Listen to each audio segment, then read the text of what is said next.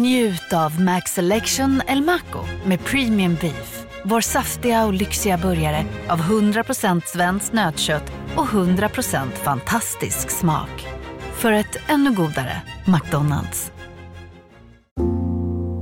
Ska några små tassar flytta in hos dig? Hos Trygg Hansa får din valp eller kattunge 25% rabatt på försäkringen första året. Läs mer och teckna djurförsäkringen på trygghansa.se. Trygg Hansa, trygghet för livet. Hej, Susanne Axel här. När du gör som jag och listar dig på en av Krys vårdcentraler får du en fast läkarkontakt som kan din sjukdomshistoria. Du får träffa erfarna specialister, tillgång till lättakuten och så kan du chatta med vårdpersonalen. Så gör ditt viktigaste val idag, lista dig hos Kry. Hej och välkomna till, ja vad det nu är, det är podcasten Gästabudet men det är inte ett avsnitt. Utan det är så att vi vill, eh, vi kommer inte hinna spela in ett avsnitt nu för att Lyra, en viktig del av podcasten Gästabudet, är mycket, mycket gravid.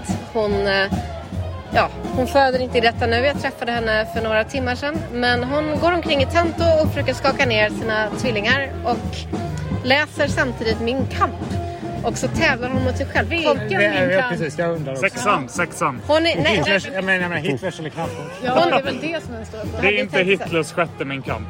nej, hon har läst hela Knausgård under graviditeten och nu har hon precis kommit förbi Hitler sen. Och nu är då frågan, kommer hon bli färdig med Min kamp innan barnen föds? Det återstår att se. Men jag heter Rebecka Schärde och med mig här har jag just nu Mikaela Blomqvist. Viktor Malm. Malte Persson. Amanda Svensson, även känd som Ängeln. Av något skäl Jack Werner. Och Jerker Widborg. Vi är på, som ni hör, på jazzen kanske så är vi på eh, Bonniers sommarfest på Manilla på Djurgården.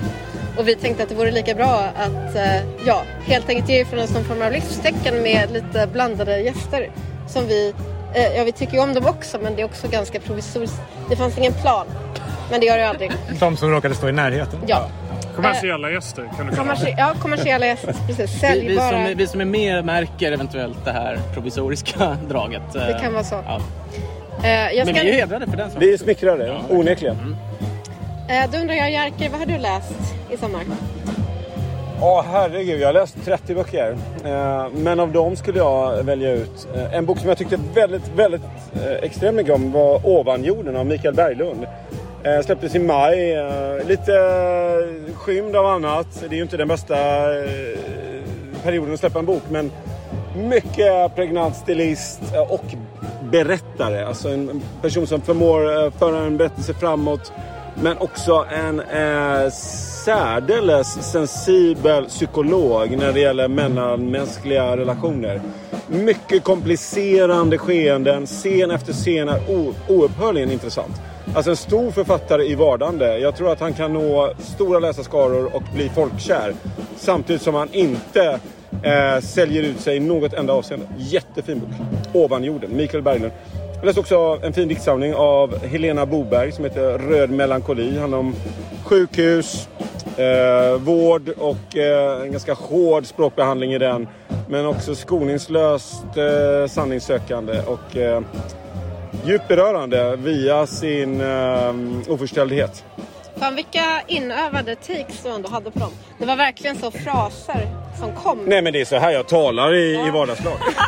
Men det, det är också att Jerker har försökt... Du har aldrig eh, funderat på att satsa på politik? Nej men, Jag har redan varit i politiken i 20 år Malte. Så att, eh, Vadå, hur då? Det, det, nej men jag, jag har ju ett politik? lobbyarbete. Jobbat Ja, du för en hel del PR-konsultfirmor och så vidare. Men Jerker har också försökt tvinga mig att gå fram till Mikael Berglund som jag inte har läst och som jag tänker läsa i framtiden men som jag inte har läst ännu eh, ikväll och säga att jag uppskattar hans bok fastän jag ju ännu inte har läst den. Vad har du läst Men, då i sommar eh, Mikaela? Eh, jag har läst ehm, mycket, mycket långsamt så har jag läst uh, Marcells uh, Proust på spaning. Uh, Ska du bara kalla honom Marcel tycker jag. Just det. Marcel. Jag har läst Marcella. Marcells på spaning.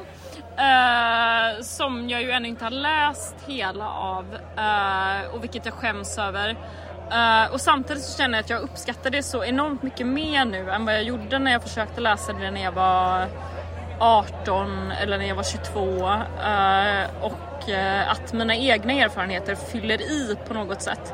Eh, Men det är också då att jag hamnat i det här att jag tycker att eh, jag kan mer om kärlek än Marcel Proust. Ja, Vem fan kan inte mer om kärlek än Marcel Proust? Ja, ja. Han är helt... För att det, alltså hans tankar om kärlek uppfattar jag som ganska barnsliga och att det handlar mycket om att ehm, spegla sig själv och mycket svartsjuka och mycket sånt där. Och eh, ja, jag kommer nog skriva flera texter om det här eh, framöver tänker jag. Eh, men eh, ja, men det, ja, ja, det är underbart att läsa eh, såklart. Eh, Du då Viktor? Jag har extremt sent på bollen läst Kim Stanley Robinsons The Ministry for the Future. Det är faktiskt en helt sanslös bok. Ja, den Har ni är läst den? Ja, Jag har läst den, ja. jag och Malte har läst den. Vi har pratat om Jag den. lä- Bra debattbok, inte så bra roman. Jo, jo, kolla, kolla. Uh, jag läste Mars-böcker tidigare och de är ju bara så här hård sci-fi om- som handlar om hur vi ska kolonisera Mars. Men han var ju Fredrik Jamesons doktorand uh, när han pluggade på, vad fan är det, vad, vad heter universitetet? Det är inte Duke, det är Duke. Ja, kanske jo, det är Duke. Det är Johannes Duke. Björk Ja, exakt. Ja. Det är Duke. Och så här, Fredrik Jameson har ju sin postmodernismbok från 1984 eh, en extremt konkret idé om vad han tror romanen behöver göra för att kunna liksom återspegla hur det globala samhället fungerar. Som du också i hög grad bygger din avhandling på. Ja. Ja, du är en Eh, Jameson-kännare. jag, kan man säga. är, jag är inte en Jameson-kännare men jag gillar Som honom. disclaimer. Eh, det- det finns andra som skulle göra anspråk på att vara kännare, det skulle inte jag göra. Anna men, Wahlgren. Men uh, Anna Wahlgren kanske. Uh, och det är liksom hur man gestaltar upplevelsen av världen i postmoderniteten där din omedelbara upplevelse av den är autentisk men inte sann, skriver Jameson. Det vill säga att det är klart att du upplever världen sådan den är hela tiden men, men det mesta av det du ser framför dig hela tiden har spår som kommer från en annan del av världen. Alltså du är ihopkopplad med saker på sätt som du inte ens kan förstå. Du kan inte närma dig en erfarenhet som bara du, så att säga. Utan Exakt. Du, är- ja. Och det här tycker jag att The Ministry for the Future är den första romanen jag läser på riktigt. Kanske, kanske med undantag av Salman Rushdie som gör det här väldigt tidigt. Men, men så här, Ministry for the Future, den lyckas göra form av den här tanken. Jag tror det är väldigt medvetet. Den tar också den här klyschan från Jameson på väldigt stort allvar. Det vill säga att han försöker föreställa sig slutet på kapitalismen istället för världens undergång. Men det är mer banalt, det har många gjort. Men just den här tanken om att, att försöka se verkligheten som sammankopplad på ett omedelbart sätt genom att korsa flera individuella öden. Jag tycker det är ett underbart experiment. ja, men det tycker Men jag bra också. debattbok också som alltid säger. Jag, jag tycker att den är lysande på det Får jag, sättet. får jag fråga Victor, du har inte skrivit något om det här och du ska inte skriva något om det eller? Jag kanske skriver om det vid tillfälle. Ja. Jag tror jag och Malte hade samma, vi har pratat om det här, jag har skrivit om den, att vi hade samma invändning eh, mot, eh, för konceptet då i den här romanen är att klimatkrisen helt enkelt inträffar på ungefär det sätt som vi vet att den kommer göra. Det får diverse synergieffekter och det inrättas ett eh, ministerium under FN tror jag eh, med eh, uppgift att tala för de oföddas intressen och se till att man försöker stoppa det här. Eh, Töntigt när du säger det så. ja, visst gör det. Visst gör det. Men det är, det är väldigt... Alltså, Eller det låter så väldigt eh, som att det finns redan. ja, det, det gör sjukt nog så gör det inte det. Nej, men det Ehm. låter verkligen som någonting så- Twitterkonto skulle kunna ägna sig åt. Ja. Att twittra. Och den är väldigt, eh, den löper ju då en bra bit in i framtiden och jag tycker att den, eh, alltså formmässigt är den väldigt intressant för den kombinerar liksom många olika former, som Victor säger, många olika former av livsöden, många olika texttyper. Men jag, jag tror att det som, den tappade mig lite grann för att den jag, jag tycker att den missar en avgörande, som jag uppfattar en avgörande konfliktdimension i verkligheten som är att folk inte vill göra något åt klimatförändringarna för att det drabbar dem personligen på ett avgörande sätt. Alltså det blir liksom... Ska vi, ska vi käfta om det här nu eller vandra vidare? För att jag har en invändning här. Kom igen. Det här är eran podd. Nej, jag tycker vi vandrar vidare. Vi Jag har vandrar vidare. Malte, vad har du läst? Malte, vad har du läst i sommar? Ja, eh, ja, är den här fortfarande på? Ja. Ja, Eh, ja, men jag har läst massa grejer, massa bra saker. Allt från uh, Cormac McCarthy till Patricia Lockwood. Men om jag ska framhålla en bok så är det vad det är Halldor Laxnäs Världens ljus och himlens skönhet. Väldigt bra bok. Väldigt bra bok. Ja, och eh, det är en underbar bok om en, eh, om en skald på Island och hans svårigheter, vilket jag kan identifiera mig med. det känns som det talar till mig. Berätta mer. Och, ja, men eh, livet är inte så lätt. Han vet inte vad han ska skalda. Han skaldar lite, det inte bra. Han skaldar lite till. Men, jag, men jag, framförallt, jag, jag, bland annat, eh, bland mycket annat som är bra i den här boken har jag fastnat för en fras som jag känner är väldigt tillämpbar både på mig och många andra. Så, så, och den är... Ähm, det allmänna normaluppförandets jättebörda. Nej, det är... Ja. Och det, det förekommer när han, den här skalden vandrar på en kyrkogård och liksom ser de här till synes lyckade människorna som, som har fått sina stenar och förmodligen aldrig haft några, samma problem med det allmänna normaluppförandets jättebörda som den här skalden har haft. Så här. Men, men det är verkligen en sån sak som jag undrar över eh, och eh, som jag har kommit i kontakt med mycket genom läsningen av Hej Sverige! Apoteket finns här för dig och alla du tycker om. Nu hittar du extra bra pris på massor av produkter hos oss. Allt för att du ska må bra. Välkommen till oss på Apoteket. Big Mac har miljarder fans över hela världen. Under mer än 50 år har den skapat popkulturell historia. En legend med 100% nötkött och den mytomspunna såsen. Nu finns Big Mac för bara 39 kronor på McDonalds. Hörni, gänget. Vad är vårt motto? Allt är inte som du tror. Nej, allt är inte alltid som du tror. Nu täcker vårt nät 99,3 procent av Sveriges befolkning baserat på röstteckning och folkbokföringsadress. Ta reda på mer på 3.se eller i din 3-butik. av eh, Dag Solstad. Eh, det är ju liksom frågan om det normala livet på något sätt och hur svårt det är eller hur, eh, hur svårt det inte är eller liksom eh, vad är det han kallar det? Alltså det är ju titeln på en av hans böcker. Det försök att genomtränga... Beskriva det ogenomträngliga. Ja, det ogenomträngliga. Det, det ogenomträngliga. Och Ja. det tänker jag är det normala livet. Ja. Det är det ogenomträngliga. Det är en jättebra bok om normalitet. Eh, ja. Och det Ja, får men normalitet är fruktansvärt svårt. Ja. Ja. ja. Som vi, flera av oss åtminstone vet. Ja. jävligt. Men, Och men- mycket som är svårt erkänns ju som svårt. Till exempel eh, astrofysik kanske. Depression. Depression. Eh, Men vi har ju också med oss här nu ikväll min nemesis Amanda Svensson. Just det. Ja. Anti-Mikaela. En blond, vacker kvinna. Eh, min motsats helt enkelt. Nej, jag, Eh, nej. nej, nu tycker jag att du nedspelar. En mörk, ful kvinna. Nej, nej, nej. Jag märkte när jag sa det att det blev fel. Jag tänker, jag tänker på mig själv som en, en mörk, vacker kvinna. Men jag tänker mer såhär, en Eh, ljusvarelse där du är en mörkervarelse. Precis, Det är en precis. skugga. Det är en skugga. Precis så. Alltså jag lever, Ja, jag precis. lever i en sån här solig liten glänta Ja. och du lever liksom inne i ett rävgryt. Göteborg som det heter på svenska. ett problem med dig är ju att du inte är kristen då. Det hade ju varit det bästa om Ja. du var troende, men det är du Ja, inte, eller nej, hur? det är jag inte. Nej, nej. Men jag har ändå varit inne och dabblat lite. Det har vi inte varit. Det. Du, du har känt att du skulle kunna vara det på ett ljust sätt. Ja. Det vill säga frikyrka. Men alltså Ja, jag men då som kanske, ja. mörk Jag är ändå skulle väldigt blivit förtjust katolik i, jag är väldigt förtjust något. i tanken på den villkorslösa försoningen och den Ja. villkorslösa förlåtelsen Men, säga. ja, men en, en ljusalv och en svartalv. Ja, precis. Vad har, vad har ljusalven läst? Eh, nej men alltså det är jag har, Läser nästan, jag har nästan inte eller? läst någonting. För Nej, jag har varit exakt. tvungen att spela jättemycket Dungeons and Dragons med mitt barn. Eh, och massa andra sådana skulle ju Mikaela till exempel aldrig nu, göra. Nu är du för ljus. Du är Exakt. för ljus. Ja, Exakt, ja, men apropå svartalv och ljusalv och så. eh, I rollen så, jag kan säga det, jag har läst Dungeons and Dragons Players Handbook. så att jag sen har kunnat gestalta rollen som en fighter halfling vid namn Trim Bagel.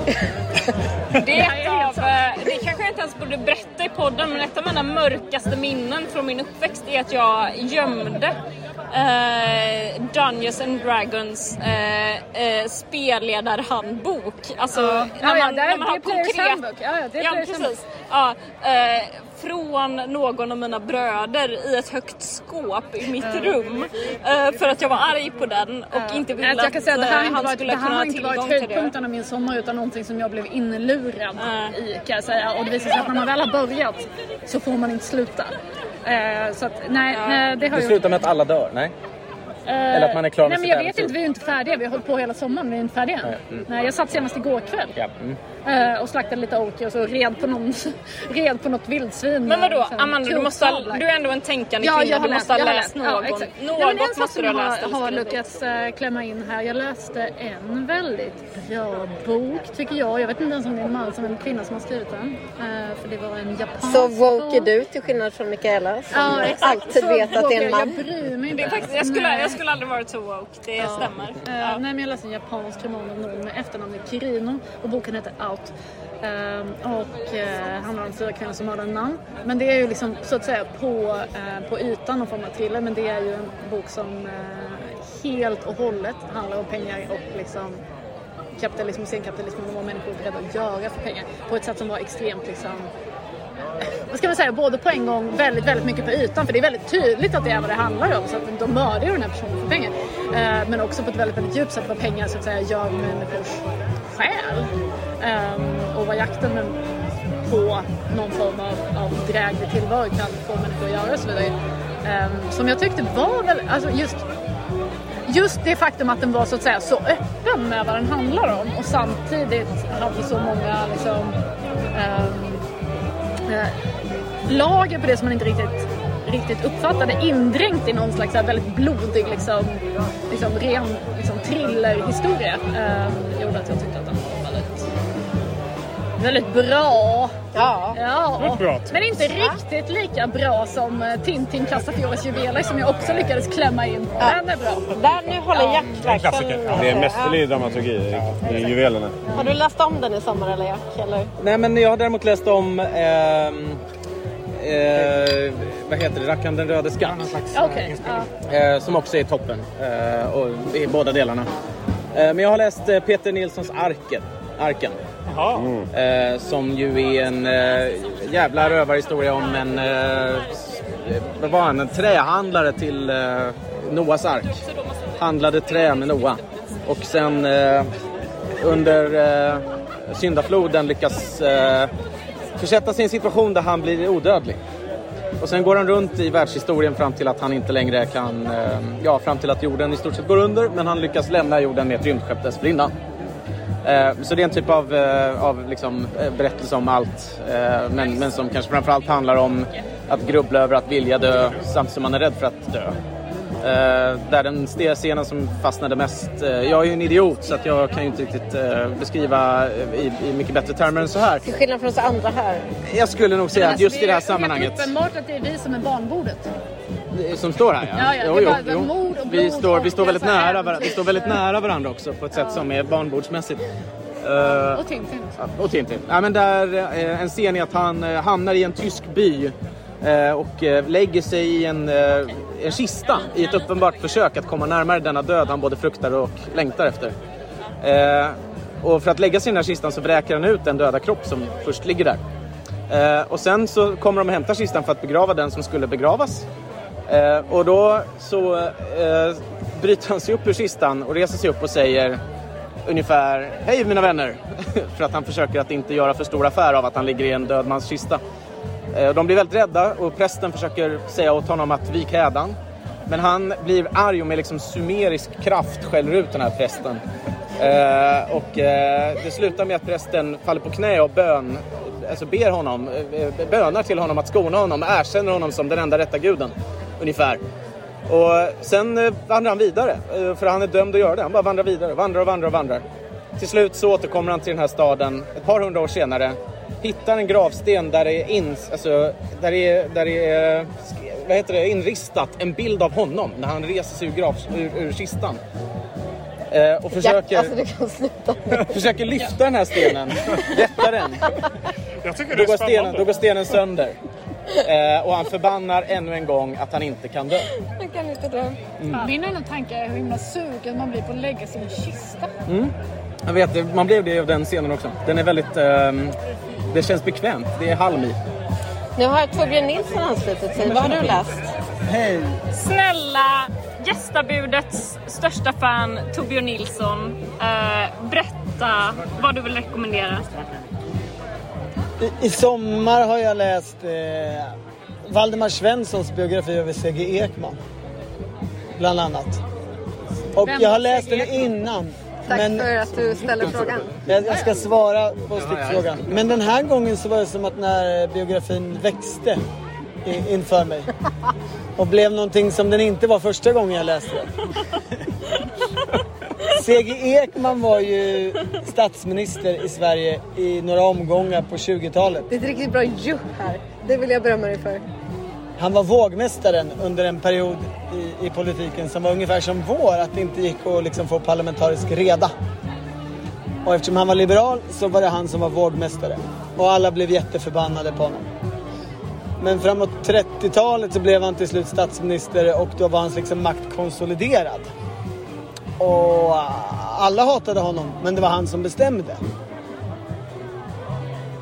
Valdemar Svensson var en medarbetare till honom så han skrev liksom hjältehistorien om honom. Och det är intressant eftersom C.G. Ekman slutade sina dagar för att han var den enda svenska statsminister som har blivit avsatt på sin post över dagen. Och för att han eh, anklagades för korruption och kunde inte frigöra sig från de misstankarna. Och allt det här berodde på Krügerkraschen som är ett långt och komplicerat stickspår. Men, eller preludium till, till Ekman-krisen. Men vem älskar inte Krügerkraschen? Den bästa kraschen, topp ett kraschar i historien. Det får man för, säga. För att den gjorde ju framför allt att Gunnar Ekelöf förlorade sin förmögenhet och då började skriva poesi.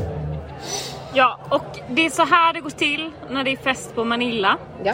Eh, om, eh, jag tror att jag kan tala även för Rebecca om jag lägger in ett tips om att läsa Lina Wolfs Djävulsgreppet. Underbar roman. Fantastisk roman. Uh, läs den. Vi har inte slutat podda. Glöm oss inte. Hej då.